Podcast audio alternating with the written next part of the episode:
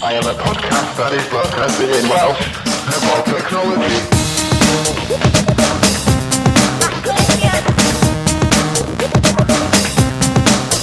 Hedfych, helo a chroeso i haclediad rhif 14! Hwre! Diolch ed. Erbyn hyn, da ni dwywaith yn well na'r Magnificent Seven, y Secret Seven, a hyd yn oed Seven, y ffilm na fy pen uh, Gwyneth Paltrow mewn box. That's right. Croeso i'r haglediad. Mae'n amlwg ydy. Ie, yeah, amlwg llwyth i gwell. Da ni well um, na pewn mewn box.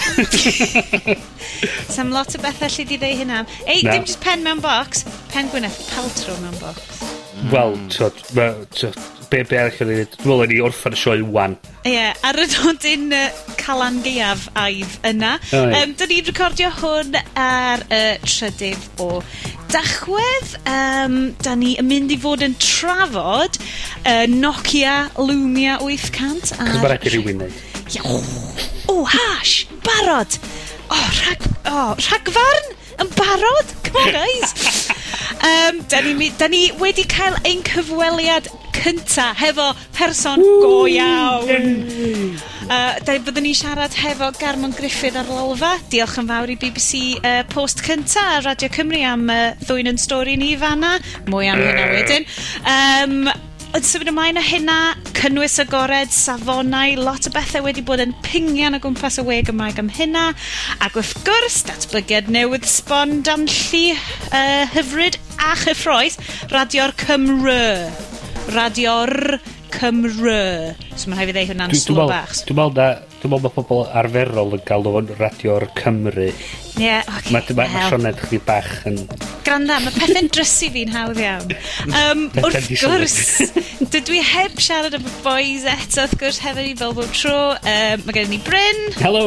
A mae gen i Iestyn. Hello. Yn y gornel ddrwg. Tyd off y naughty step, Iestyn. Na, dwi ar fy mel. Dwi ar fy mel. Felly, um, gadewch i ni gymryd naid i'r gwyll o'r burning platform a siarad am y Nokia Lumia 800. Yn ôl Stephen Elop, um, pennaeth Nokia. Um, Wel, o'n i'n dyma... Microsoft oedd Dyma yr, er, er Windows Phone cyntaf. Wante, da ni'n gwybod bod hyn ddim yn wir, ond mae o'n dweud na hwn ydy'r gwir Windows Phone cyntaf. O, dwi'n siŵr fydd HTC yn, uh, a Samsung yn really lyfio clod hynna. Mmm, wan te hogi, ydych chi wedi bod yn edrych, uh, mae Iestyn hyd yn oed wedi cymryd chydig bach o gyffron hwn. Do. Hyd yn oed wedi dweud, beth ti dweud amdano fo? Edrych yn neis. Nice. Mae'n edrych yn neis, nice, dydi. O. Dydio. Dydio. Ond mewn pink a glas, a di. Ww! D- dwi me'wl dwi'n dwi licio oherwydd fod o'n edrych chydig bach fatha um, iPod Nano second gen. Hmm. Is it the hoof of all of the iPods? Wel... Neu just, mae'n edrych fel... Na, ma'n edrych... Oedd cofio gweld un rhyw deg mlynedd yn ôl a... Tyfa, sa'n byd yn mynd yn retro. Hei, granda. Ie, mae bach yn dychryn i braidd bod ni'n dechrau meddwl am technoleg fel yn retro. okay, mae'r ma disc, ma disc man yn retro, mae ma, ma, ma Sony Walkman yn retro, dydy iPod Shuffles uh, second gen ddim yn bloody retro. um, ond dyn ni newydd fod yn drafod hyn uh, cyn i ni ddod ar yr awyr fel petai bod lot o yn chi ein gwrandawyr hyfryd ni dal yn lawrlwytho yr haclediadau cyntaf lle ydyn ni'n trio meddwl be'n byd ydyn ni'n siarad am. Mae siŵr bydd rheina'n retro erbyn hyn. Da ni wedi bod mynd ers blwyddyn an y bit. Ie, yeah, ie. Yeah. Um, felly, be ydy'r um, sion ar y wem hwn? Cos dydyn ni heb gyffwrdd o eto, ond y cynlluniau ydy mynd i'r dre dysadwn ni drio. Hogie, beth ydych chi'n feddwl? Wel, um, er, er, er, peth cyntaf nes i, nes i ddod y draws yna fo, oedd um, pan nath, nath dad fynd i Phones for You i, i edrych ar iPhone 4S ar ôl i fi ddangos iddo fo, faint o dda oedd y video stabilisation a'r 1080p footage arno fo a dad yn dwi eisiau un o rheina. Yy yy so ath Iphones for you yn Gaernarfon a nath nhw ddeud hw chi'm isio un hynna, mae hynna'n fil o bunna. A da, esu na ti dim dyna oedd y mab dda fi. A dweud, di, di, un o hein da chi isio Nokia 800, beth agorau allan sy'n 'na well na'r Iphone. So oedd... y so so... Dwi actually chi gweld hynna digwydd. Ie. So dwi'n meddwl oedden nhw, ma' nhw ar commission probably o'n i bwsio'r ffôns 'ma yn hytrach na be oedd uh, y ffôns Windows 7 y cynharach. Do'dd yy odd heina jyst mewn cornol yn gadro llwch, so mae'r hein i weld... Be, fel dirty mags ar top shelf. Ie! Dwi'n Mae Microsoft wedi, wedi gwario, gwario rhywbeth oedd rhyw tom, oedd rhywbeth, oedd rhywbeth oedd ryw biliwn o, bin, o bunnant yn trio machnata yr, yr ffona newydd, yr Nokia ma.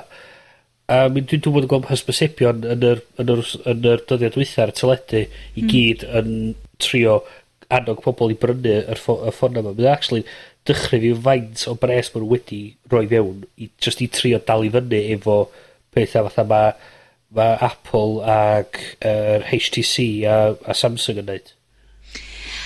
Mm, Mae'r, rhaid fi ddeud, dwi'n... yn rhaid fi ddweud, dwi'n falch bod nhw yn neud rhywbeth gwahanol, achos fel defnyddiwr Android, a dwi'n hollol agored bod fi'n defnyddio'r Android achos bod fi'n chep effernol. a dwi'n talu 15 pint y mis a dwi'n cael yn tyfo, allai neud pob beth dwi eisiau yna fo. Ond, di'r ffôn ddim yn gred. Ond fel rwy'n sydd ddim... Uff, dwi wastad eisiau trio bod bach yn wahanol. great idea. Um, so, dwi'n licio'r syniad bod hwn yma yn gallu, yn, bod na fwy o safon iddo fo. Oh, yeah, bod o'n man. fwy o, mo, fwy o machine allai ddibynnu ar nag yn HTCs e.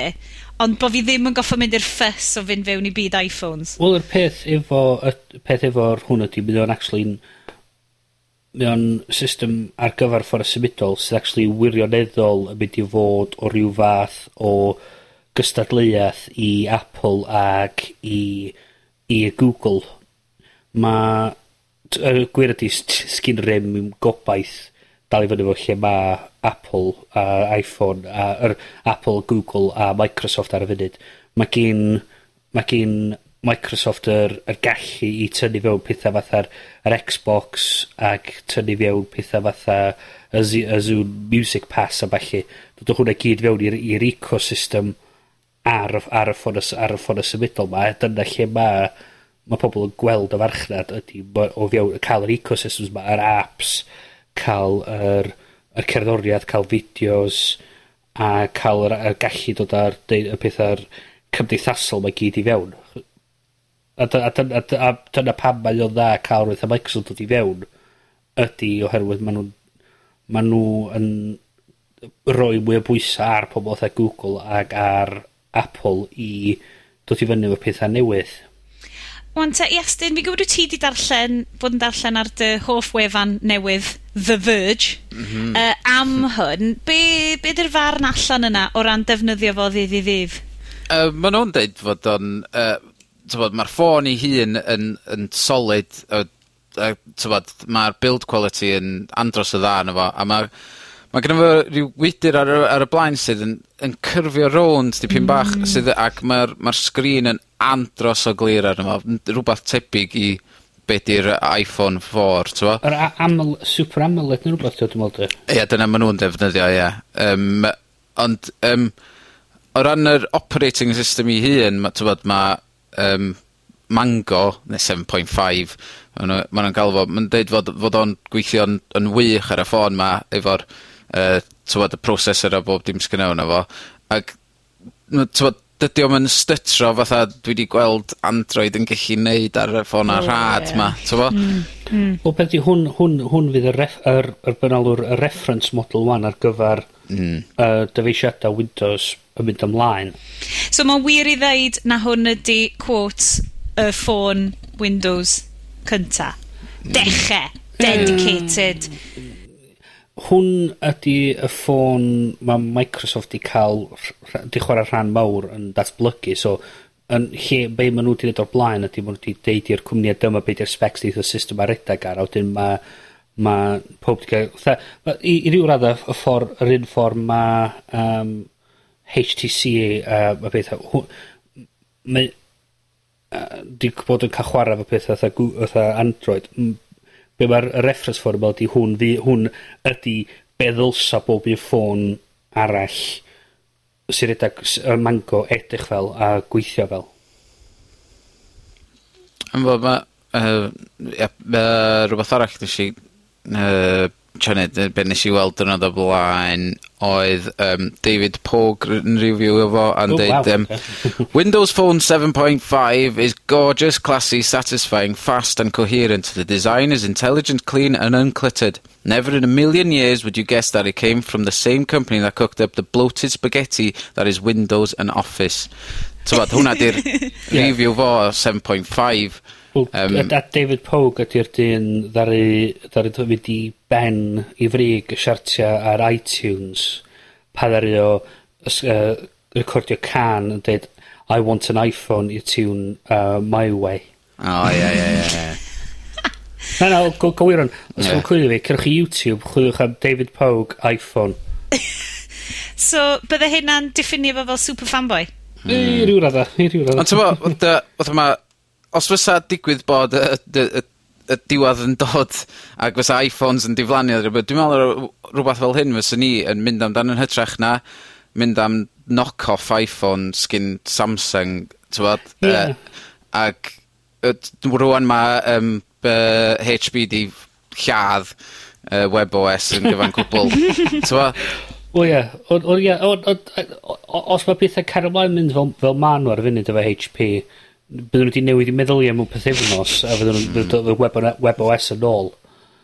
Mae rhai fi ddeud, mae o yn apelio i fi. Wan, mi nath, um, i chi wrandawyr sydd wedi bod hefo ni ers y dechrau, mae saga'r HTC Wildfire yn un hir a diddorol. Well, I say diddorol, ddim really.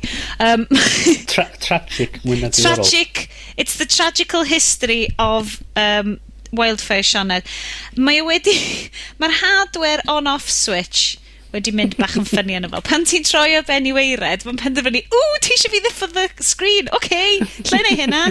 Um, so, mae'n trio i orau peth be. A wedyn, o'n i'n meddwl, o, mae hwn yn mynd downhill. Ti'n gwybod be mae hynna'n meddwl? Oh my god, allai i weld faint mae contracts ar yr 800s yn costio. A maen nhw'n lot, maen nhw'n ma nhw gymharol, os nad fel mae Estyn wedi deud yn ddrytach na rhai ar iPhones. So unwaith eto, mae'r bod bach yn skint slash tight jean yn cicio fewn, so fe rai fi wytio dy'r prisio ddod lawr. Ond dwi'n sicr bod fi yn mynd i wirio na fel cysidro well, fel ffôn newydd fe. Y peth diddorol efo Nokia di drwy dal i'n rili di, di dysgu, i weld i dysgu'r gwersi efo um, dod ar y prisio'r smartphones i ddod i fewn i llefydd fatha America. Achos problem efo Nokia 'di oedd nw rioed yn gallu torri fewn i'r farchnad yn America. A'r problem efo hynna oedd um, bod nhw yn bod nhw byth yn yn digon bodlon gweithio efo yr rhwydweithia a deud iddyn nhw, reit, os ydych chi cael ffôn yma, gewch chi'r subsidy o ryw hynfaint, a dim byd bobl yn gallu cael y ffôn yr atach. 'dyn nhw ddi- rioed wedi bod yn digon bodlon gweithio 'fo networks yn yn America i wneud hynna, a mm. dyna sy'n gafon nhw fewn i'r traffarth yma'n yn dechrau. A maen nhw i weld yn mynd i fewn i'r un un prob- yr un un patrwm eto a y pwynt sgennai ydy. Ond fyswn i'n meddwl fydd um, fydd Microsoft ei hun yn trio neud rhywbeth i gael y ffôn yma allan yna yn fawr. fowr, t'wbod, yn pwysio ar y carriers i hunan a, a rhywbeth hefyd yn positif fydd yn digwydd efo'r ffôn yma yn, yn wahanol i'r androids arall i gyd allan, eraill sydd allan yna, fod, fod hwn yn mynd i dderbyn, bod, yn cael ei updateio ar amser pan fydd Microsoft yn rhyddhau Windows Phone 8 neu 7.7, fydd hwn yn gael, gael yr update yna ar y diwrnod yn ytrach na efo Android, ti'n meddwl, ydy ffôn fi'n mynd i gael o neu yeah. ddim? O na, yn, yn wirioneddol, mae na graff a yeah. fi fi wneud bach ymchwil. Welwch chi'r graff na ddoth ni yn trendio, sy, yn dangos pa mor ar ei hôl hi mae, o, oh, swn i'n deud, dros 90% o'r bobl yeah. sydd yn berchen ar HTCs, unrhyw ffôns Android eraill, bod nhw ar ei hôl hi o versions mm -hmm. o bell iawn. Wel, mae'r ma, ma rhan fwy yn nhw, ddau fersiwn mawr ar ei ôl mm, i. Ie. Mae y llai yn un fersiwn a mae'r canran llai beth er y fersiwn mwy diweddar. Lle cymharu hwnna i rhywbeth fatha yr, yr iPhone, a mae hwnna yn Mae bo, ma' mwy neu lai... Ie. ...bob un ffôn sy allan ar y funud ar y fersiwn mwy diweddar. Ond mae hwnna, t'mo', be- unwaith eto, dwi'n gwybod ni siarad amdano fo pretty much pob rhifyn, ond mae ecosystem Apple yn sicrhau hynna, a dyna di'r cryfder. Wel, o na, na, y, y reswm mae Apple yn gallu neud hynna, di'r ffaith ma' nhw wedi, ma' nhw efo y rheolaeth dros y colegwedd. Ie, yeah, na fo, na fo, y rheol, t'mod, mae pob un agwedd o'r ffôn na Ma' nhw'n rhedeg o. Fysa Google yn gallu neud union yr un un peth.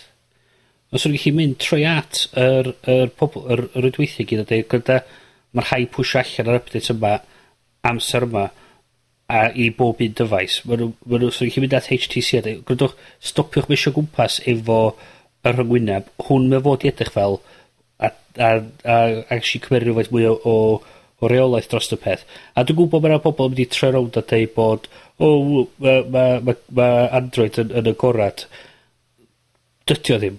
Ma' prana o Android yn gorad, fine, whatever, ond mae'r rhan fwy o'r stwff mwy o diddorol mewn Android yn we- wedi cael 'i yn cael gadw gyn Google a mae'n rai' chi arwyddo bo' matha gytudu- gytundebau i ddeud, o nhw'n ni'm deud i neb amdan hyn i actually cael a- mynediad i'r pethau diddorol. O, cofio di hefo Google os wyt ti'n gallu gwasgu'r botwm search 'na maen nhw'n hapus. Wel yn union. Dyna i gyd sy'n bwysig fan 'na. Ie, yn union.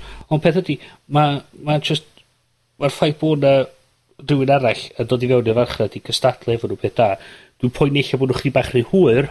Hmm. Ond ma' ma'r ma' nhw actually wedi dod i fyny efo rhyngwyneb diddorol mae'r tiles yn edrych yn dda, haid i fi gyfadda, dwi'n dwi'n dwi, dwi, dwi'n teimlo bod... Dwi'n fascinated hefo'r live edrych, tiles. Mae'n edrych yn wych. Er, fel, fel ystyr dweud o'r peth ydy, ydy mae sy'n siŵr bod ffôn igon sydyn, bod yr yngwyneb igon sydyn yn, yn ail lwytho'r tiles ac yn symud y tiles o gwmpas. Ac mae'r ma hwn yn edrych, mae'r ma 800, dwi'n meddwl, 1.4 GHz processor yn efo. Yy, mae gen Nokia s- tr track record reit da, cael batteries reit da yn 'u dyfeisiada nhw hefyd sydd yn me- meddwl bod yr ffôn yn siŵr o fod yn actually un reit diddorol i i, i edrych ar. Uh, just i, i gloi efo rheina, mae Nokia hefyd wedi rhyddhau yr Lumia 710, mm -hmm. um, sydd uh, mwy Sioned friendly, a.k.a. rhatach.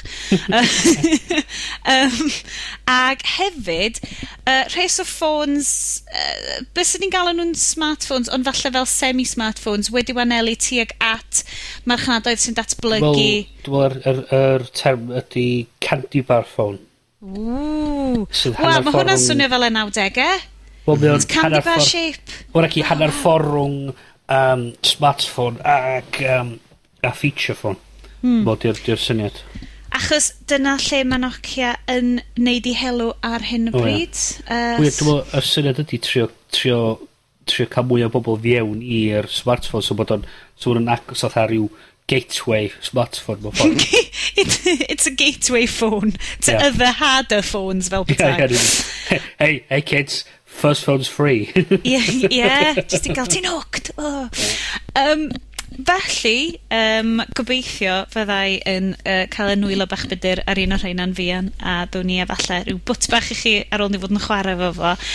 Um, Go for it. Rwan, rwan, ar ôl i ni fod yn, yn siarad fan hyn, a fel oedd y hen hysbyseb yn deud, mae'n dda siarad, uh, da ni wedi bod yn siarad gyda person go iawn. Oh, do, hmm. da ni wedi cael yn cyfweliad hachlediad. Rwy ddim yn cofio os di'r cyfweliad hachlediad swyddogol cynta, hogia. Yndi, dwi'n siŵr bod o. Felly... Uh, dwi'n dwi meddwl, er, gatho ni un cyfweliad ar, ar podlediad Metastodge Ond... Na, hwn dwi'n gyntaf i gael... Dwi'n gael... Wnaethon ni... Wnaethon ni mai gwylio fel guest ar, ar y haglediad, ond dwi'n am yn cyfwiliad, so... Gwestai byw. A wedi cyfrannu yn ddirfawr i'r rhaglen. Diolch mwy. um, fi o'n i ddigon lwcus i gael amser Garwn Griffith o'r Lolfa i drafod e-lyfrau Cymraeg a pob peth sy'n digwydd hefo nhw fanna y bore wedi iddo fo, y noswaith wedi iddo fo fod ar BBC Radio Cymru'n siarad am rhywun peth. BBC Radio Cymru, ah, it's just... Oedd hwnna'n un da, hwnna. Oedd, nath nhw... Nes di glad o lle oedd nhw'n deud... Um, oedd o'n siarad amdan uh, Kindle a bachu, a wedyn nath y boi droi ato fo a deud, be am yr e-lyfrau ta? what, what? That's what I've been talking about. Dwi'n gwybod dod o blaen, lle nes i ddeud bod, ar, ar y blog, i ddeud bod... Um, do sefydleda yn Cymru ma' dall technoleg. Mm -hmm. Dwi'n meddwl rhywbeth fel ni siarad amdan.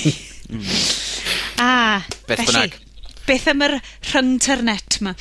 Oh, yeah. Felly, um, ydy, da ni'n cyflwyno i chi rwan um, cweliad, ges i fynd sy'n chatio hefo Garmon, um, gobeithio wneud chi fynhau. Haia, croeso i gyfweliad cyntaf yr haclediad. Dwi wedi'n nghyffroi, uh, ond Garmon o'r Lolfa, fi yn gallu bod yn onest iawn o ddeud fyddai lot mwy nerfus na ti yn neud hwn. um, Garmon Griffith sydd hefo ni ar yr haclediad hen yma. Um, fo sydd yn gyfrifol am uh, Lolfa, y tu uh, cyhoedd llyfrau. Uh, Garmon, pryd ddari chi ddechrau meddwl am mynd fewn i ei lyfrau? Um, ie, yeah, tair blynedd yn ôl i wedi gwir. Um, Chymod, oedd y Sony i readers wedi dod mas, ynddo fe? A wedyn o'n i'n awyddus i fod uh, y wasg cyntaf i gyhoeddi e-lyfr Cymraeg yn fe, a wedyn um, eithon ni ati i brynu un a cynnyrchu un. A wedyn o'n i'n gwerthu nhw ar yn, ar yn gwefan yn fe. Ond mae pethau wedi symud mlaen dipyn ers hynny yn fe. Wel ie, yeah, achos fi'n gweld ar y wefan hefo chi, mi ydych chi'n gwerthu um, mewn e-pub a fel PDF uh, yn yeah. barod o'ch catalog chi. Yes. Um, a da chi yn rhoi cyngor i bobl sut i gael rheina mlaen i ddyfeisiau um, wrth ddefnyddio caliber. Um, chi'n gallu mynd â ni trwy, trwy um, pam wnaeth chi ddewis mynd lawr y, y lôn yna fel? Wel, i fod yn onest, achos yn y dachrau, oedd pawb yn sôn falle mae EPUB bydde'r fformat bydde pawb yn ei ddefnyddio. Mm -hmm. A wedyn, oedd y declynau'n defnyddio EPUB. Ond ers hynny, wrth gwrs, nath Amazon dod mas gyda'r Kindle, oedd yn defnyddio fformat gwahanol, sef yeah. Mobi. A wedyn, um, dwi'n meddwl mae y Kindle wedi tyfu'n boblogaeth tu hwnt a wedyn wedi chwalu i'r cystadleuaeth. Felly um, mae'r system wedi chwildroi ers, ers i Amazon ddod fewn. A mewn ffordd falle dyw'r um, e-pubs ddim mor boblogaidd erbyn hyn. Ynddo fe? A, a ychydig iawn i ni'n gwerthu wedi gwir ar yn gwefan ar hyn o bryd. A reit, a dyna'r rheswm pam, achos dwi'n gwybod mae ma ein anwyl Bryn wedi mm. bod yn gofyn, pam mynd at Amazon, pam wneud o'n anodd i gael pethau yna? Ond ydy o herwydd y, y busnes, y sort of model ma, mae Amazon wedi cychwyn fyny sydd yn neud hi mor hawdd i gael nhw? Um, na, y rheswm i ni mynd am Amazon, dwi'n meddwl, yw achos um, bod pobl yn cysylltu dyn ni'n gofyn am lyfrau Cymraeg ar y Kindle Mm. So mewn ffordd, mm. ni'n dilyn be mae pobl yn gofyn ynddo. A na'r na, na unig reswm ni'n awyddus i gael llyfrau Cymraeg ar y Kindle yw achos bod yn y steddfod er enghraifft mae sawl yn ddratyn ni, o, ni wedi cael Kindle pam bod dim llyfrau Cymraeg yn fe. So na'r na, na rheswm, um, a sy'n un rheswm arall, a i fod yn onest, wad, ddim yn fan anferth o Amazon fel cwmni. Ond, um, chymryd yn anffodus weithiau, mae ma rhaid dilyn y llanw, a chymryd, um, a ni wedi bod wedyn ers i bobl cysylltu dyn ni'n gofyn am lyfrau ar Amazon, ni wedi bod yn trio cysylltu dyn nhw a trio cael llyfrau Cymraeg arno fe, ond maen nhw dim ond yn gallu cyhoeddi llyfrau mewn chwech iaith, yw chwech iaith mawr Ewropeaidd. Ond ni mewn trafodaeth gyda nhw, a wedyn uh, mynd i'n trio ar hyn o bryd i gael fewn trwy drws cefn fel pethau. ynddo? Wel, doeddwn ni wedi gweld wrth wneud chydig bach am bod yna rhai wedi sneacio trwad rhywfaint ar gyfer y Kindle Store, ond dwi'n ymew methu cofio beth oedd enw'r llyfr, ond mi nathon ni spotio un eitha diweddar yna. Oes na, sut bysa hynna'n gweithio? Ydych chi just... Wel, beth yn gweithio, um, e, gethon ni gwbl o lyfrau arno, um, y ferch ar y ffordd gan Lleici Roberts. Na ni, na ni, hwnna ie. Wedyn, um, wel, mae'n amlwg bod yna rei llithro trwy i systemau nhw'n hmm. de. A wedyn, wnaethon ni droi e lan fel llyfr Saesneg. Oh, a wedyn, e- e- gyda ni gwpl o lyfrau eraill lan ar, ar, ar y Kindle, a wedyn, um, yn sydyn iawn, wnaethon ni drio roi rhyw pedwar neu bimp newydd lan. A yn anffodus, um, wnaethon nhw sylwi a, a wedyn nhw, this is an uh, unrecognised language. ers, ers hynny, i ni wedi cael un amhosib i gael unrhyw llyfr arno.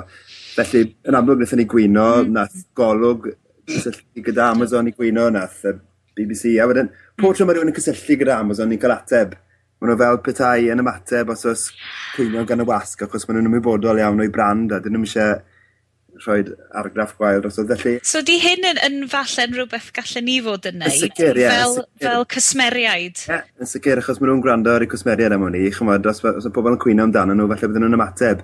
Felly, tra bod ni jyst fel un cyhoeddwr, mm. falle sy'n awyddus i, i gyhoeddi, falle rhyw ddwstion o lyfrau, mm -hmm. falle dyn nhw'n gwrando ar hwnni. Os maen nhw'n cael galwadau wrth, chymod, wrth y pynters fel petai, chymod, mi'n siŵr bydden nhw'n ymateb yn gynt yn de, a na beth yeah. eisiau yw i bobl gofyn pam, pam, pam eich chi ddim yn caniatau. Chos oes dim rheswm technegol dros pido coeddi llyfrau Cymraeg, yn fel mae'r ma, ferch ar y ffordd yn mm. profi, mm. chymod, mae yna lyfr Cymraeg ar werth yn barod yn ar y byd, maen nhw'n rhwystro ni rhag cyhoeddi llyfrau Cymraeg. Dwi'n hoglio um, um, rhyw fath o uh, movement rhywun, dwi'n fath o ymgyrch i ni gael trio gael bobl i uh, cysylltu efo Amazon i, i holi am hyn. Um, o ran uh, cyhoeddwyr eraill, ydych chi'n gwybod um, sut siap sydd arni hefo cyhoeddwyr eraill, neu faint o gefnogaeth ydych chi'n cael gan rwy'n fel y cyngor llyfrau, er enghraifft, uh, ar gyfer cyhoeddi well, ar-lein?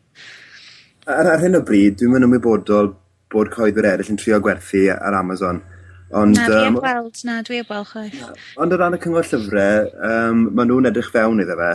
A dwi'n meddwl, maen nhw eisiau defnyddio rhyw fath o fodel lle ni'n gwerthu trwy cyfanwerthwyr, sef gardeners, cyfanwerthwyr sy'n gwerthu llyfrau papur hefyd. Mm -hmm. A wedyn bod nhw'n dosbarthu drosto ni, ynddo fe. Eto, bydden nhw methu gwerthu llyfrau Cymraeg i Amazon, a wedyn dwi'n meddwl mae canolbwyntio ar e-pub bydden nhw. Felly, um, bydde'r dyfeisiau heblaw y Kindle falle yn gallu ddarllen nhw, ond y Kindle yn amlwg meth, methu, ynddo? Wel na, mae... um, ydyn nhw, sut, sut deimlad sy'n na fewn y diwydiant? Achos un o'r cwestiynau, mae mae Bryn wedi gyrru am, ambell y bwyntiau, fel oedd gen i fod ddordeb yn efo, um, ac oedd gen ni wedi bod yn trafod am cynt. Mae o'n dweud, lle da chi arni o ran yeah, bod bach yn contentious fel ein anwyl brynu, yn gofyn oes angen cyhoeddwyr rhagor neu a fysa um, sgrifenwyr just yn mynd yn syth i werthu mewn rhywbeth fel EPUB. Ydych chi'n gweld hynna? Mae hwnna'n bwynt da iawn, chi'n bod, chi'n gwybod sut mae pethau mynd i, i mm. symud yn y dyfodol. Um, Mae ma, ma, ma, ma cyhoeddwyr, dyda sawl rôl er enghraifft i ni'n golygu llyfrau a sicrhau bod y safon yn uchel. A ni, chi'n bod, falle byddai unigolyn sy'n cyhoeddi llyfr heb gyhoeddwr um, heb law bod ganddo fe ddylyniant anferth, felly bydde, bydde yn ffind fe'n anodd i gael creadwyedd ynddo. Mm -hmm. Ond um, yn y dyfodol, pwy oer ynde? Un peth yn amlwg sy'n poeni ni o ran delio gyda Amazon. Chymod, mae pobl yn sôn falle yn y pen draw nod Amazon i bod yn coeddwyr eu hunain. O oh, ie. Yeah. Um, a mae'r cwestiwn hefyd, wrth gwrs, yn beth i siopau llyfrau, ynddo fe? A, a, a, o ran, chymod, yn bersonol, dwi'n meddwl bod mm. siopau llyfrau Cymraeg yn cynnig gwasanaeth pwysig tu hwnt. Mm. Um, a, a chymod, mae'r ma diwydiant llyfrau yn diwydiant lle mae'r arian yn cael ei cadw fewn yn yr, yn yr economi Cymraeg, chymod. Mm. Ond yn sicr mae pethau newid a mae eisiau ni gyd feddwl sut i ni'n symud gyda'r amser mewn ffordd, ynddo e, hefyd. Wel ie, yeah, of gwrs. Um, mae yna sôn wedi bod um, o ran um, yr Apple iBook Store hefyd. Ydych chi wedi cael unrhyw... Uh, os gennych chi unrhyw cynlluniau tuag at fanna? Ni, ni, da, ni, ni yn trio cael y llyfrau ar yr Apple um, iStore, ynddo fe, a wedyn um, EPUB maen nhw'n defnyddio. Mhm. Felly, mm -hmm. um, ni'n gobeithio cael pethau arno fyna erbyn y dolyg be di'r be di broses, um, sort of y gwahaniaethau yn y broses o gyhoeddi llyfr um, sort, of, cor, sort of physical yn wahanol i, i e-lyfr? Ydy'n broses haws? Y sefyllfa yw, mae ma, ma cyhoeddi llyfr print mewn ffordd yn broses digidol hefyd. Mm -hmm. um, a ni'n ni, ni defnyddio rhaglen o'r enw InDesign a hefyd Quack Um, felly ni'n cael ffeil yn design yn y pen draw, a wedyn mae hwnna'n cael ei prosesu ar gyfer print. Um, mae ma meddalwedd cwac ein design yn datblygu, ond um, a wedyn mae modd cynhyrchu e-pub allan o'r ffeil terfynol. Ond ar hyn o bryd mae'r proses dal yn eitha anodd, chymod, dal eisiau defnyddio codes ac yn y blaen. Mm. Felly byddwn ni'n meddwl mewn rhyw dwy dair blynedd bydd y proses o cynhyrchu e-pub neu mobi o um, in design neu gwac neu be bynnag mm. rhaglen, chymod, fel yn sôn am Calib, chymod, mm. bydd pethau'n dod lot, lot haws. Falle byddwch chi'n gallu cael yr enghraifft save as e-pub neu rhywbeth, ynddo? Great. So, just un cwestiwn ola. Um, oes na uh, unrhyw gynlluniau gennych chi i falle yn y dyfodol um, arbrofi falle chydig hefo'r, hefo ffurf e-lyfrau fel cyhoeddi fel dwi'n gwybod uh, gallech chi fod yn cyhoeddi hmm. ap apps dedwch i Apple sydd yn lyfr ond hefyd yn rhywbeth arall, unrhyw, unrhyw gynllunio felly? Wel, ni wedi bod yn, uh, chod, yn, yn, yn, meddwl amdano fe, trafod e, yn fe, mae pobl i wedi byd, ambell felly wedi cysylltu gyda ni, um, sôn am y fwcs yma ac yn y blaen, ond, mm. ond um, chymod, i fod yn onest, mae arbenigedd ni felly mewn llyfrau print a mewn llyfrau, ynddo fe, Mm -hmm. um, mae got ni'n cyflogi golygyddion a byddai symud mlaen i, i creu cynnyrch fideo ac yn y blaen yn gam falle bydde'n eitha costus a bydde'n gofyn am arbenigedd arall ynddo. Yn sicr un agored i, i, i drafod bethau ynddo fe, a, a, i weld sut mae pethau'n mynd yn amlwg i ni eisiau symud mlaen, chymod, lle mae yna farchnad ynddo fe, lle bynnag mae yna farchnad, mm. newn ni mm. i fyny ynddo. Gwych. Wel, diolch yn anadwy am siarad efo ni heno yma. Um, Mae'n ddenad dwi cael clywed bod pan mae bobl yn cwyno, mae Amazon yn gwrando, Felly, yym, allai...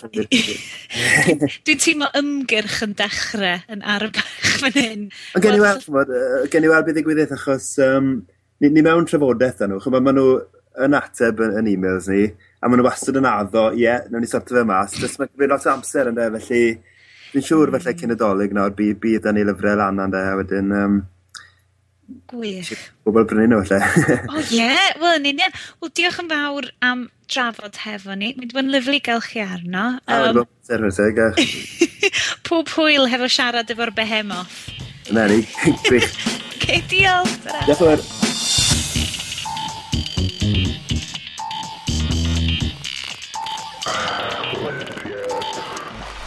diolch yn fawr i Garmon am gymryd yr amser i siarad efo ni. Um, a hefyd, da, Sionet, cyfwyliad gwych. Ie, o'n i'n nerfus. Wy'r ddew i chi.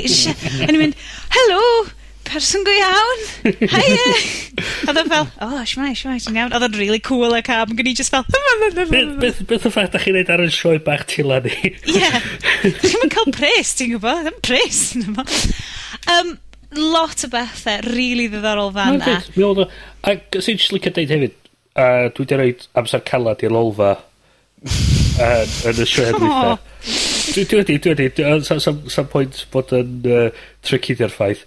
A just yn deud, ymddiheir wan i Garmon a lolfa, chwarae teg, dod ar y sioe a, a, a, a, a a trafod y pwnc efo ni, a mae'n deud, dwi'n actually teimlo lot yn hapusach wan di clywed Garmon yn yn siarad am yr actual ffaith bod nhw yn trio neud gweithio i gael cynnwys Cymraeg ar mwy o dyfeisiadau mm. sy'n bosib. Be oedd yn ddiddorol ofnadwy oedd... Uh, mae Garmon yn amlwg yn, yn deall i ffordd o gwmpas y tech, sort of, um, byd electronig, uh, mhm. cyfrwng mm -hmm. electronig. Ond oedd ddim yn swnio fi fel bod yna lot o ddiwylliant o fynd ffordd na o fewn uh, y byd cyhoeddi Cymraeg. Na, dwi'n meddwl bod hynny gan Pwynt teg. Um, bob peth ydy, ma... Na angen rhywun i i dweud, reit, ffordd ma di'r ffordd i fynd, ac i fatha, bod fatha'r trailblazer mewn ffordd a dweud, ffordd ma mae'r byd yn mynd, da ni am mynd, chos da ni, da ni di gweld ffordd ma mae pethau'n mynd, a da ni am cael o flaen hyn a neud yn cynnwys ni ar gael a yeah. sod yr ystod. Mae'n neud ti feddwl, um, achos uh, o'n i wedi holi fel, to faint arweinydd mae'r cyngor llyfrau yn rhoid. Wel, cyngor llyfrau yn hytrach na cyngor e-lyfrau. Ydyn, ydyn nhw falle. Um, mae hyn wedi arwyn mae ni. Uh, yn ystod y wythnos yma, mae um, Carl Morris, um, efengylwr y we agored, wedi uh, postio ar y blog, yn sôn am sut mae fformatiau gwahanol yn gallu bron o bod fod yn wleidyddol, Um, a fi'n gwybod bod chi'ch dau wedi bod yn darllen mwy amdan hynna. Safonau cynnwys agored, yr holl syniad yma o pam dylen ni fod yn trio cyhoeddi ar Amazon pam yna safonau agored ar gael. Dwi'n meddwl beth chi'n feddwl. yes, 'dyn wyt ti'n un ffordd neu llall ar hwn? Wel ie, mae yy un o'r pwyntiau gin cael yn ei uh, yn ei post ydy, a uh, fod t'mod mae EPUB ydy'r standard agored ar draws y byd amdan e-lyfrau, ac um, y Kindle ydy'r unig uh, ll- darllenwr uh, e-lyfrau, dwi'n meddwl allan yna, sydd ddim yn darllen y fformat yna.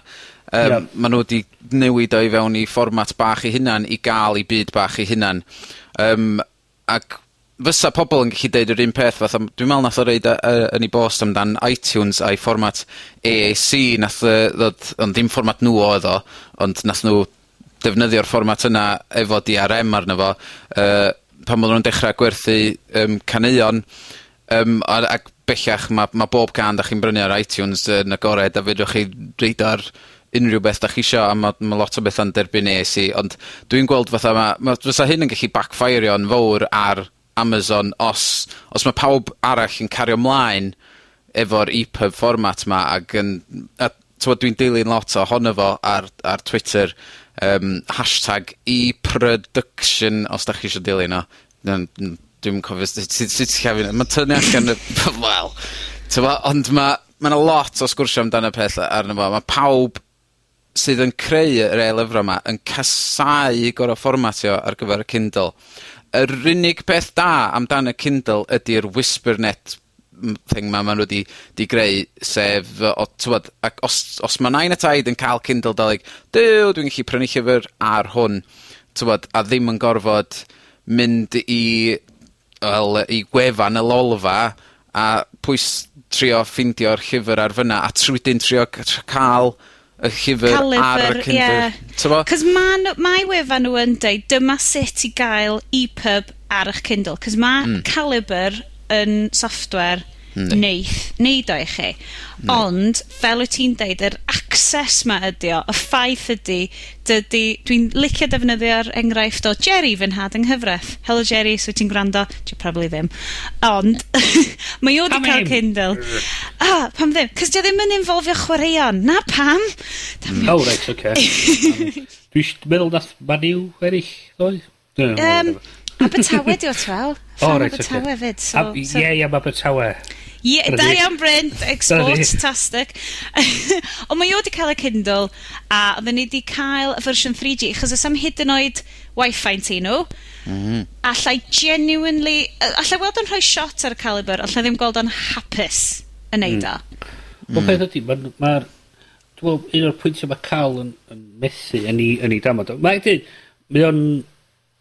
Dwi, mae gen i lot o amser y cael, mae cael yn boi ffantastig, os ydych chi ga'l siawns i i cyfarfod a siarad efo Carl, mae o'n... Real efengylwr positif. Mae o yn person mwya siarp a mwy o lyfli dwi'n erioed i cyfarfod yn y mywyd i. A mae gen o amser i bawb sydd yn, sydd yn wych. Ond y pwynt ma'n methu ydy mae roi bai ar cwmnïau fel Amazon ac Apple am cloi fyny'r cynnwys 'ma. A gwir ydi, ma' nhw fatha unryw cymdeith ma' nhw eisiau gallu, ma' nhw eisiau rhywbeth i werthu, a'r telera ma' nhw'n cael gin pobl fel yr pobl sy'n gyfrifol am y llyfrau, pobl sy'n gyfrifol am am yr ffilms ac ar teledu ac ar, ar cerddoriaeth, ma' nhw yn fatha ma' nhw di colli meddylia, ma' nhw yn poeni am pobl yn dwy'n i cynnwys nhw. Hmm. A ma' nhw, a nhw di rei sy'n mynnu bo... Y reswm oedd, oedd Apple yn dynyddio AAC oedd oherwydd oedd nhw isio, oedd i nhw cael gwerthu'r cynnion, oedd rhaid iddyn nhw roi di ar eman efo. Sicrwydd, ie. Ie. So nhw wedi rhoi ar MP3, fysa'r, sa, oedd, oedd MP3 ddim yn mynd i gallu defnyddio yr technoleg DRM o'r oedd yr, oedd yr, oedd yr, yr diwydiant cerddoriaeth yn mynnu ar. So, a wedyn fysa mm. gynnu ni ddim yr, yr sa gynnu ni ddim bethau fatha Spotify wan, sa gynnu ni ddim Google Music Play, sa gynnu ni ddim Hmm. yr, yr, y systema sgennyn ni wan i gallu cael at yr cerddoriaeth mor haws a, a, a da, da ni heb blaw bod Apple wedi, wedi dechrau mynd at yr y diwydiadau, diwydiadau yma deud iddyn nhw, reit, da ni eisiau eich cynnwys chi, dyma fe da ni'n dalu a dyma dy ffordd da ni am wneud o. Doedd o'n mynd i ddigwydd blaw, blaw hynny, a dwi'n meddwl fila fydd yr er, pethau e-lyfr yma'n digwydd. So ar y funud mae nhw'n... Ond mae hynna'n ma ma hynna'n groes, dydy ma. ma Amazon, di Amazon ddim yn meindio fod gynna nhw'r DRM o ag i fformat i hunan. Dyna'r peth, a nath, oedd Apple, neu yn bennaf Steve Jobs, fo oedd dweud, dwi'n dwi isio hyn fod yn gaeth, dwi isio fo fod yn agored, dwi'n cysau fod tywod, pobl wedi cael lawr fel hyn. Nath o sgwennu llythyr agored am DRM A a ti'n ma'n gweld neb o Amazon yn deud hei 'dan da ni'n trio cefnogi EPUB ond Fe, fel t'mo'... Ond y peth ydy, fel ma' fwy a fwy o pobl yn mynd i fewn i'r farchnad yma, fydden nhw'n gweld, fydde, fydde fwy o gystadleuaeth yn dod i fewn a bydd pobl yn dechrau meddwl, wel hang on, ma' nhw'n edrych ar i, i Kindles nhw'n dweud, o, oh, mae'r cynnwys 'ma ond ar gael ar Kindle. Pam dwi'n methu'r, t'mod, Mae ma' nain 'di prynu yr Kobo Book Reader o WH Smith sy'n fi, pam dwi methu cael cynnwys fi ar hwnna, a, a fel ma' yr marchnad yn mm. symud fewn i hwn, bydd pobl yn dechrau, dechrau fel, well, hang on, mae Amazon yn chargio pris gwirion ar gyfer cynnwys, cynnwys yma. O, reit, ffain. Sodom ta, o'n i i... Ro'n i prynu cynnwys ni trwy Waterstones ac ar yr Sony Readers yn lle sy'n cyfnogi pethau ar EPUB.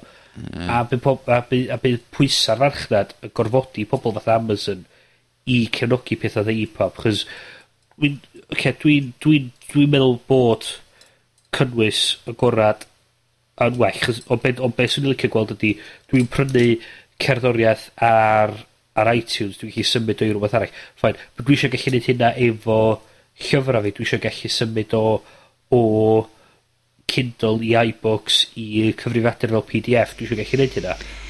A 'na, 'na'r peth, t'mo', ma'r dechnoleg, fel dwi'n credu odd yn dyddiau cynnar rhannu cerddoriaeth yn ddigidol, mae'r technoleg yna i newid o fformat i fformat wastad, ond maen, dwi'n wastad yn teimlo bach fel bod ti'n goffo mynd rown Corneli a lawr ryw strydoedd cefn tywyll a ffidlan o gwmpas a Efo neud be rwan?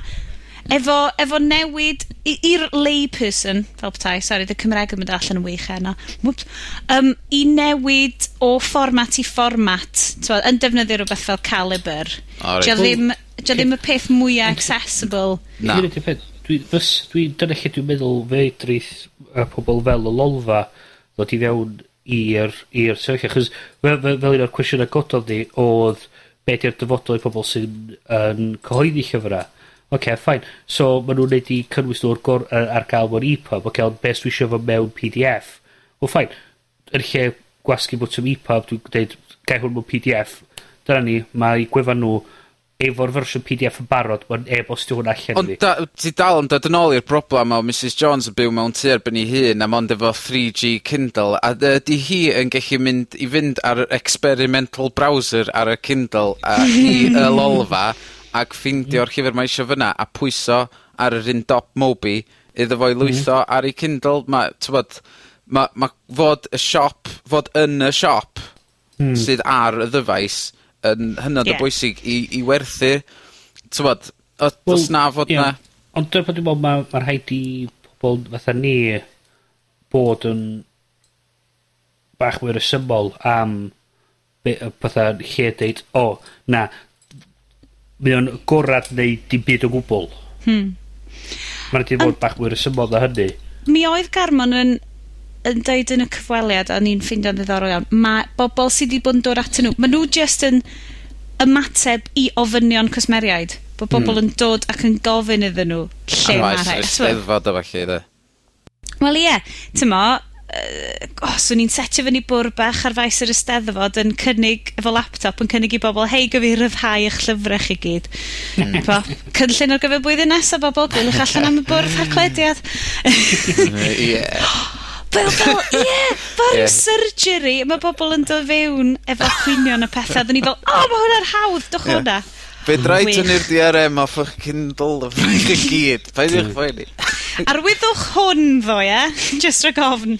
Just neu siŵr bod ni ddim yn mynd i fod i America wedyn, de. O ie. Misteg o'n um, Sôn am bethau agored ar gymdeithas Gymraeg yn gwneud y pethau dros di hunan ac yn tanio'r ffordd ar gyfer rhywbeth newydd. O, oedd hwnna'n un o'n segways mwyaf rybys i. O bosib, cadwch efo fi, cadwch efo fi. Dwi'n dwi rhoi, dwi rhoi chwech i ti. Chwech, diolch am hynna bobl. Symud ymlaen ydy ni rwan at Radio'r Cymru. Sorry, Radio'r Cymru. Um, newyddion poeth gen Iestyn, achos mae Iestyn wedi dod o'r cyfarfod Radio'r Cymru yn Gynarfon. Dwi'n licio hyn. Gan i fynd draw yn gohebydd ni yn Gynarfon. Ia, so... Um, Live on the scene, it's yes then. mi fethu di fynd i'r un nos fawrth, do. Do, achos mi oeddwn ni yn cyfweld hefo Garmon ar y pryd. Da chi teiming ofnadwy ymddeheiriadau. Bydda pwysig, de. Bydda pwysig. so, um, y, y syniad tu ôl i radio'r Cymru ydy... Um... Be fucking wrong efo rhaid chi? Sorry. Mm, ah, Dwi'n rili'n really credu bod na ail frandio angen digwydd. Ond beth bynnag...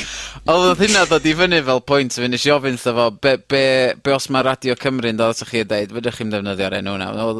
Neith o, bys fo'n creu stink bach, bys fo'n creu cyhoeddistrwydd eitha da. Oh, Ddefo, ond... Wel, hefyd, hefyd, just, just fel pwynt bach, chos mae hwn yn bygio fi trwy'r amser fatha, ma nhw'n, fatha efo wan, e, dwi'n weld efo'r Guardian, e, ma nhw'n neud eu apps nhw ar, ar, ar iPad, a ma nhw'n deud, you can download the Guardian newspaper. Na, dydy ddim o bapur na di. Ah. Mhm. So ti'n deud bod radio falle'n... Well, ti'n cael o trwy Wi-Fi, technically, ma'n o right. Wel, iawn, dim... Radio di'r... FM, AM, longwave. So dylio... radio dylai fo fod yn podlediadau i'r Cymru. Wel, be bynnag fydd o, dwi'n gwybod, o just dewis rhywbeth sydd ddim, ddim, ddim radio. Gwni ddefnyddio fo fatha, dwi'n gwybod, um, just dewis, dwi'n gwybod, just rhywun bach mwy creadigol na fi. Dwi'n licio'r syniad o greu panel megis yn y 30au o feirdd a pethau. Fel pan oedden nhw'n cael enwau newydd i bethau fel hofrennydd a teledu. A rhewgell. A mae gen chi'r Academy Francais yn rhywbeth yn dod i fyny efo'r geiriau Ffraneg newydd bob tro mae'n rhyw technoleg newydd. Job newydd i Gerall Lloyd Owen, wan bod o ddim yn ei talwr yn y beirdd, geith o ddod fyny efo geiriau bryn. Yeah. no, just yeah, eistedd yna mynd. Just i fi, just i fi. Dwi angen gair newydd. Beth fyna, ddrwg gennau. Yes, uh, pull it together. Nôl at y gehebydd ar y scene, Yy yym ie so dwi'n meddwl Hugh Marshall oedd yma dwi'n meddwl yeah, nes i'm nesh i'm dalu arno fo ni 5 munud yn hwyr. Ie ie. Um, uh, ond um, y syniad ydy, ma' t'mo' dwi'n meddwl mae pawb sy'n gwrando ar y podlediad yma podlediad yma yn yn gyfarwydd iawn efo Twit um, mm -hmm. uh, sef Well, This cwmni... Week in Tech os ydych chi... Ia. Cwmni Leo Laporte yn Petaluma, California, yy Ac um, hefyd, tywa, rhywun fatha Revision 3 neu 5x5, ma, mm -hmm. ma, ar ôl gwrando ar, ar, ar Hugh yn, yn siarad ag pobl eraill yn trafod hyn, rhywbeth fel yma, hwn yn swnio fel mae o'n mynd i fod i fi, ond just ar gyfer cynnwys yn y iaith Gymraeg. So, mae ma digon posib fysa fo'n gallu, tywed, fysa ni'n gallu cael yr haclediad ar hackiaeth.com, ond fysa fo'n gellu cael ei ddarlledu hefyd ar Radio'r Cymru. Ma'... Ond um, ma' ma' nhw eisiau lawnsio ar y cynta o'r cynta flwyddyn flwyddyn nesa am dwi me'wl tri o gloch neu rhywbeth fel yna. Ond ella neud rhyw slot o bedwar awr lle mae yna rhyw dri rha- rhaglen gwahanol, ond mae'r ma un cynta mae'n ma bwriadu fod fod yr rhaglen gynta'n mynd i fod yn hollol fyw, Um, So, bydd o mewn ffordd fatha radio byw, ond just ar y we, ond wrth gwrs fydd hwnna ar gael i, i lai- lawrlwytho wedyn hefyd. Mm. So, ond ma' i, i fi, o'n i'm, o'n i'm dal yn cweit yn dall pam, pam fod angen fod tri- t'bod, rhywbeth mae edrych i fewn i gael o bob wythnos am certain amser uh, ar dy Sul. So yn gyson fydd 'na cynnwys newydd yn cael ei ddarlledu ar yr adeg yna um, bob wythnos, yn hytrach na'r ffordd da ni'n neud pethau a mae lot o bobl eraill yn neud pethau o yn recordio fo wedyn roid o allan pan mae o'n barod i fynd allan, mae o eisiau fwy o mae'n edrych oedd fo' nw'n trio ca'l fwy o strwythur iddo fo. Dwi yn licio'r syniad o stwff byw alternative Cymraeg, achos dy gymdeithas, dwi'n gwybod, da ni heb sôn am Twitter eto wsos yma, uh, mis yma, felly heim ddim rili neud. O ia, ma' yym... ni 'di ca'l fatha bing- ryw cerdyn bingo yn rhywbeth, oes? O ie, be' da ni wedi siarad am? Uh, Amazon, ding! iPhones, ding! ding! Twitter, um, ding! Ding! Rydw ni siarad am Facebook eto. Oh! Oh, siomedig. Damo. Um, be bynnag. Um, o'n i wedi meddwl, mae'r syniad ma o gymuned mm. yn rhannu rhywbeth byw ar yr un pryd, yn ei drafod o, yn cyfrannu tuag ato fo, mae hwnna'n rili really gyffroes Yndi, a wel dyna dyna nes i esbonio wrtho fo amdan uh, y uh, yy Twit a 5x5 am fod dwi'n gwrando ar dipyn o'r uh, rhaglenni sgin 5x5 uh, a a hmm. dwi'n gwrando ar ychydig ar nhw'n fyw ac efo hwnna mae'n uh, um, uh, IRC chat efo fo so ti'n gallu cyfrannu fewn i'r rhaglen... Hmm. ...a wedyn mae o mae o'n deud well in the chat room there you know they say that the Kindle is rubbish. Neu be bynnag t'mod?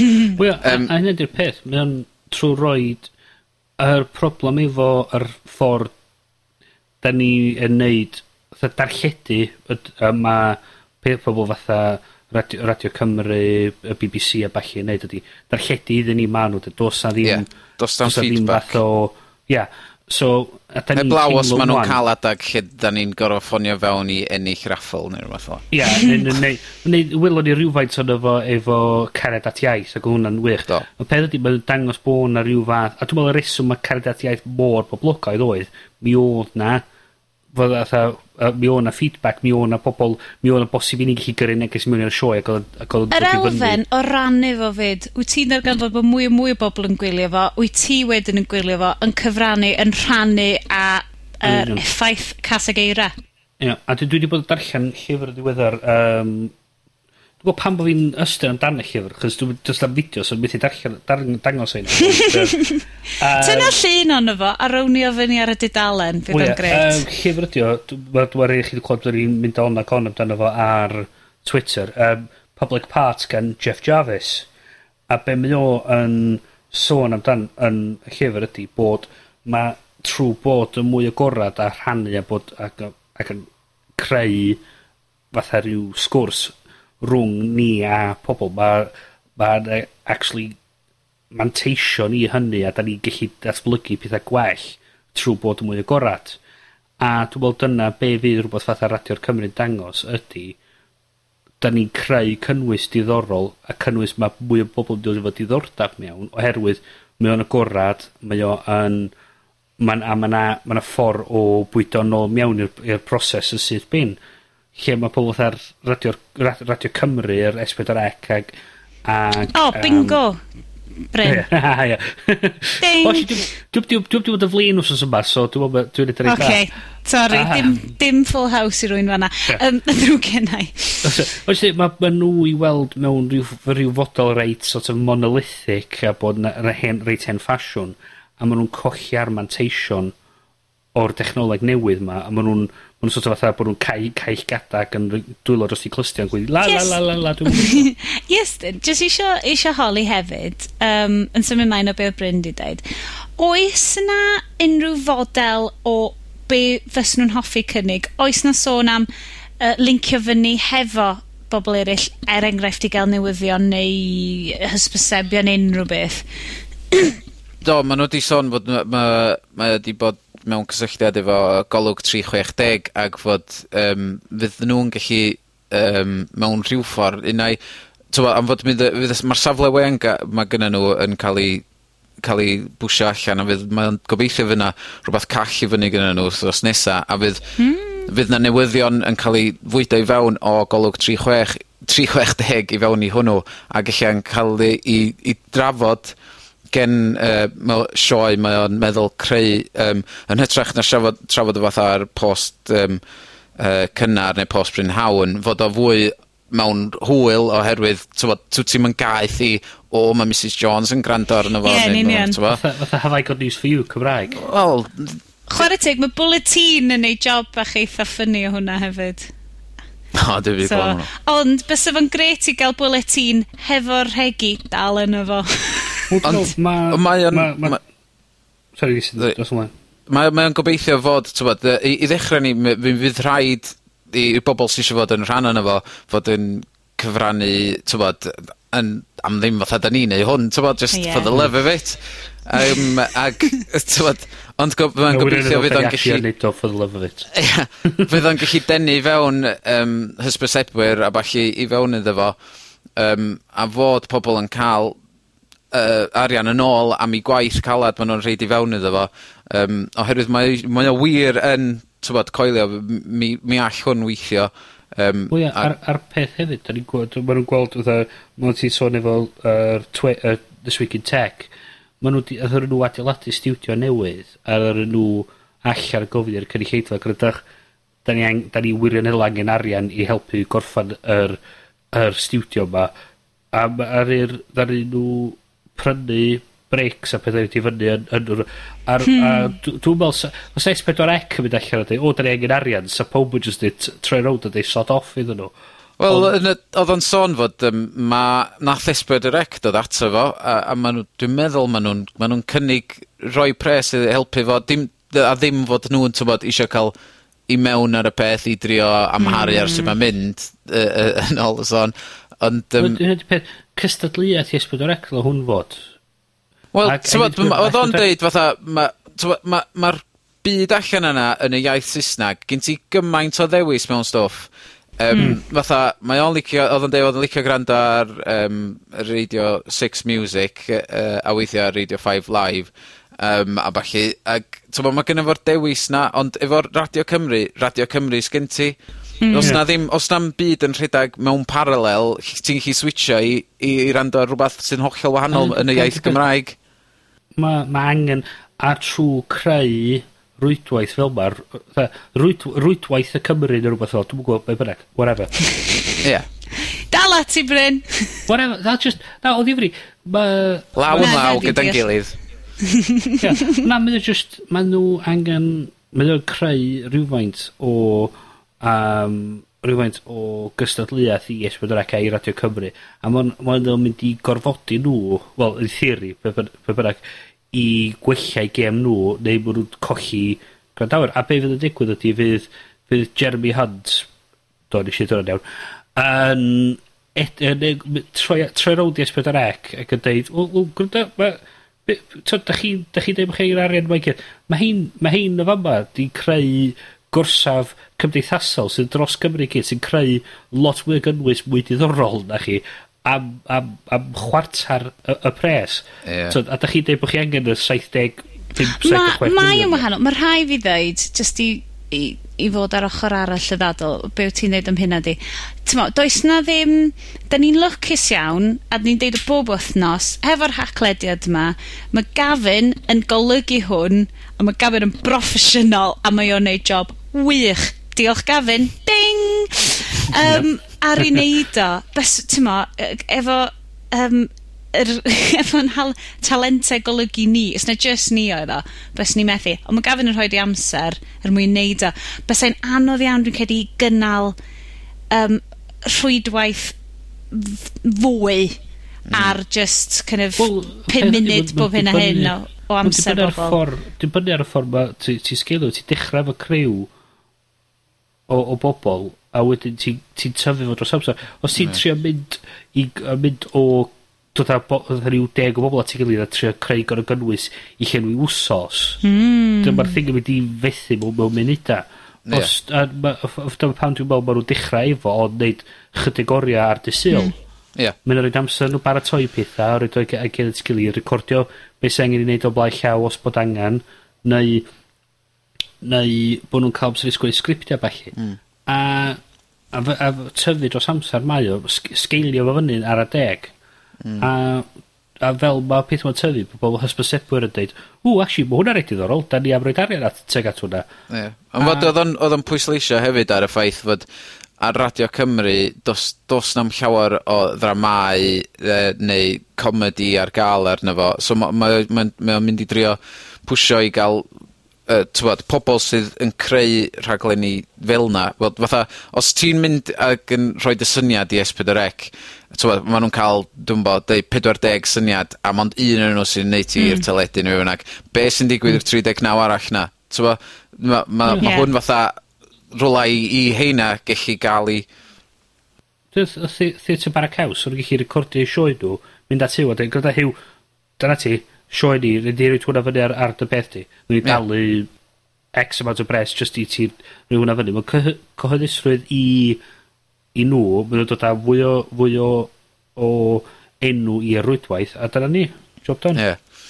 Yr unig beth nath ddim gael ei sôn amdano i ddechrau ni oedd y bandwidth cost. Tywod, os mae o'n mm. os mae o'n derbyn dipyn o o stwff, t'mod oce, okay, tair awr yr wsos neu rhywbeth fel fela i ddechrau ni fine dim problem really, efo y costa yn fyna, ond unwaith ma'n dechrau tyfu, mi rhaid i chdi ddechrau gael hysbysebu yn yn involved... mm. ...i dalu amdan hynna yn, ac os ma'r gynulleidfa'n tyfu'n gyflym hefyd ma' fydd rhaid yym t'mod edrych fewn i ehangu ar lle mae'r ma' hyn i gyd yn ga'l 'i storio. Os na mm -hmm. fod o yn fatha ni, mae ma' hwn yn ga'l 'i storio yn un lle a fod o ella'n bwydo i fewn i'r safle we yna Fatha... Mm. Mae'r syniad o hub am cynnwys Cymraeg yn briliant. Hai fi ddeud. Dwi'n dwi, ffeindio hi... Dwi'n wastad yn goffod atgoffa bobl. O, oh, chi di, chi di glwyd y haclediad fath o'n fel, o, oh, lle dwi'n ffeindio fo? Ti di subscribe ar iTunes? Na ddo, ti'n di subscribe ar RSS? Na, o, oh, god, a lle dwi'n ffeindio? Ti'n mo? Mae'r jyst yn syniad ma o'n mynd, cer i fan na, mae o na. Mm. Mae just yeah. Hmm. yn naid ti. Yn bryl. Ond dwi'n meddwl, fatha, fatha URL Radio'r Cymru, dwi'n dwi meddwl eich neith nhw ffindio fo'n anodd deipio fo fewn. Dyna'r ffordd mae'n sa, just fatha, just deud, rwydwaith, dwi'n eisiau i dod i fyny fo'r o syniad o'r rwydwaith darlledig, uh, rwydwaith darlledig Cymru. Wel, pan dwi'n just creu, yr C, Mae'n Ridic! Mae hwnna'n ridic. Redig.com. rdc.com ry, ie? Dot yeah, yeah. brilliant. Um, ond mae rhai fi ddweud, mae'n really nice i gael syniad mawr yn dod fyny. Mm. Fydd yn rhywbeth ardderchog i drafod yn hacio'r iaith. O, oh, oce. Okay. Deg allan o ddeg am hwnna. Yes! Diolch yn fawr am hynna. Deg allan o ddeg am hynna. Nes i achub dy hynna hwnna.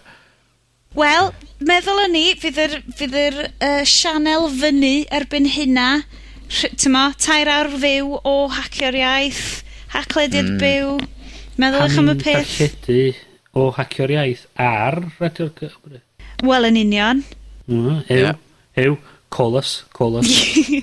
call, call our people, we'll get our people yeah. to call your people.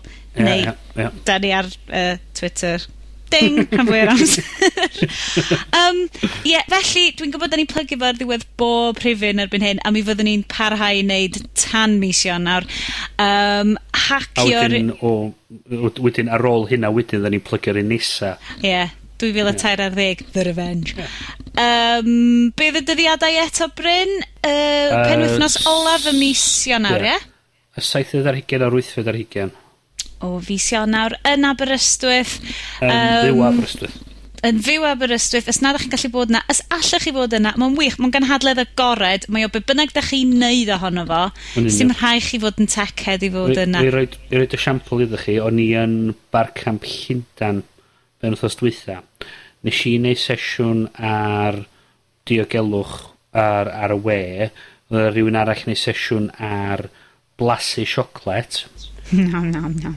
Dychmygwch parin un gafodd mwy o bobl yn mynd i ddefo.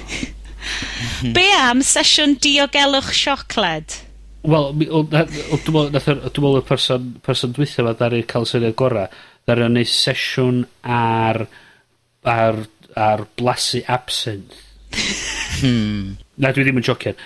Oedd o'n neud, y boi ma'n sgwennu blog, blog, blog am whisky a ddari o penderfynu neud sesiwn ar Introduction to, to Absinthe Tasting.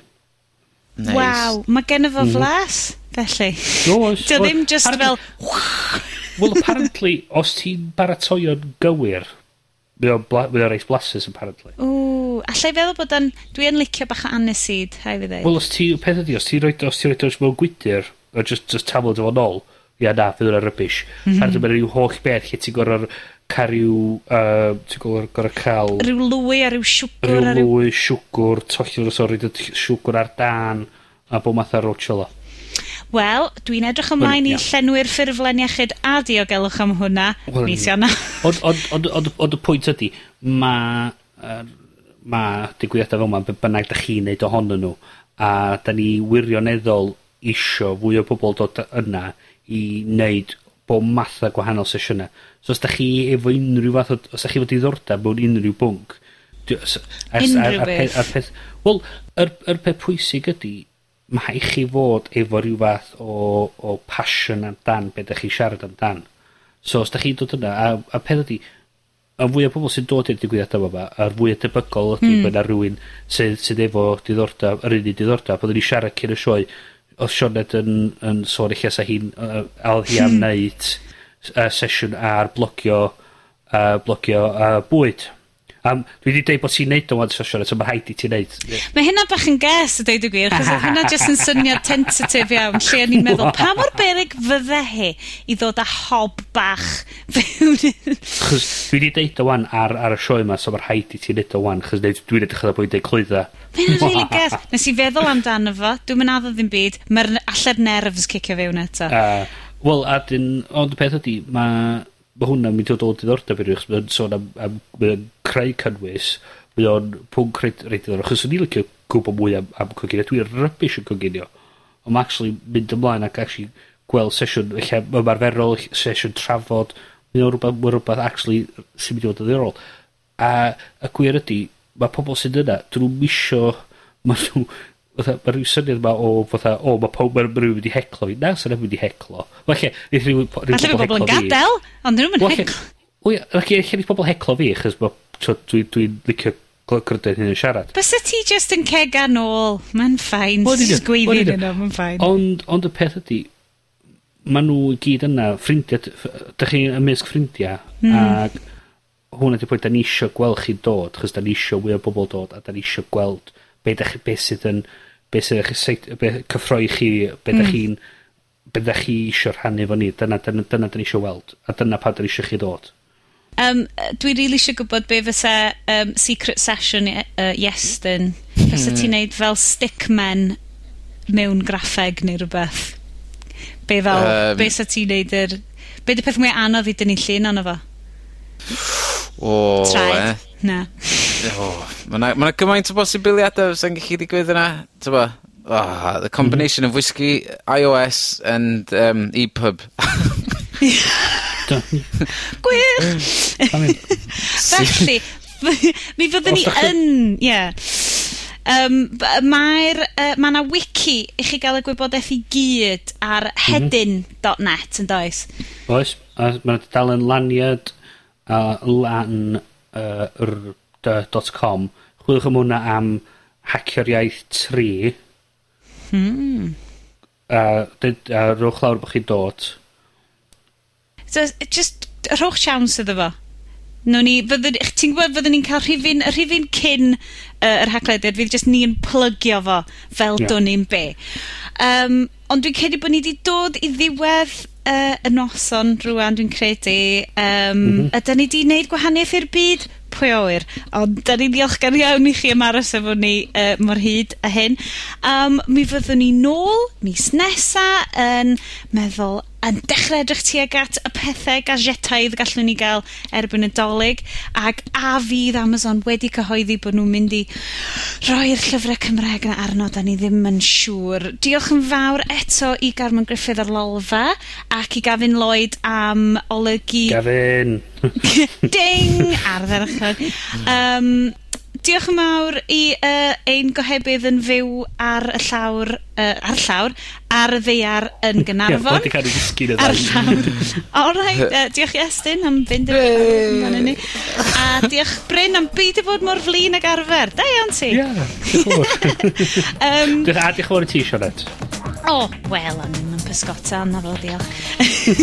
um, byddwn ni yn siarad uh, efo chi eto. Cofiwch, llwch chi'n trydar ni at llef, at Brynes, neu at Iestyn X uh, yn ystod uh, yr amser pan da chi just yn gweld eisiau'n lleisiau ni. A uh, podlegiad chi... at hackiaeth.com. O, ie, yeah, anghofio ni am hwnna. Um, hackiaeth.com, uh, erthyglau, pob peth felly. Be arall allai plygio? Unrhyw un?